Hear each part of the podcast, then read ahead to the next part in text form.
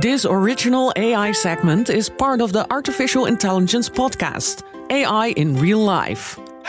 Episode The Case of Saving AI Education. The OG AI. So, remember Jurassic Park and the whole safety issue? Well, Michael Crichton, the writer of the book, has a, let's say, obsession with theme parks going awry. He also came up with Westworld. Yes, that ridiculously beautiful HBO series you loved so much. Till season 2, and then it just became too much. Except for those two episodes. You know what I'm talking about. More coming in season 3 in 2020. Now, let's go back to the source material, the book, and the original movie from 1973, which Michael directed himself.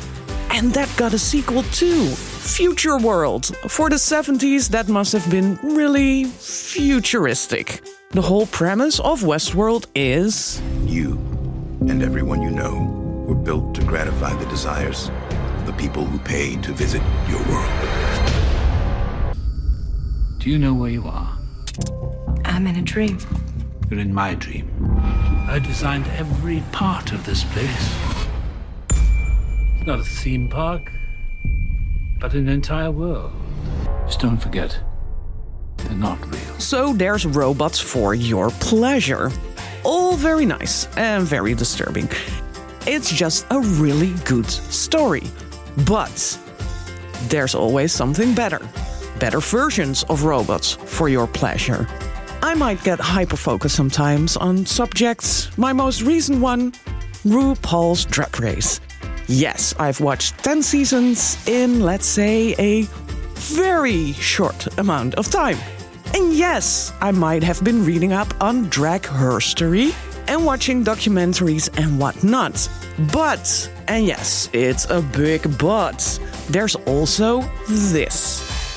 Tucked in the bosom of a tropical island lies the gayest resort ever created, where your fantasies come true and nothing is off limits.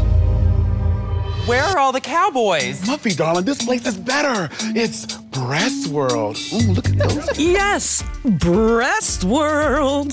Doesn't that sound amazing? Cocktails, hot buns, breasts, and shade. If you need an introduction in drag slang, this is a good start. Or, or maybe not with all the previous season queen references. Or, or maybe it is, because now you want to see all of it. And seeing queens acting like robots just gives the whole dystopian feeling some glam. Bring back my girls. Rosie, toot and reboot. Attitude adjustment in process. Setting Bianca Del Rio. Baloney. Going down to Ivy Adjustment complete. How's your head? I have not had any complaints. Okay, girl. Okay, Mary. Okay, Annie.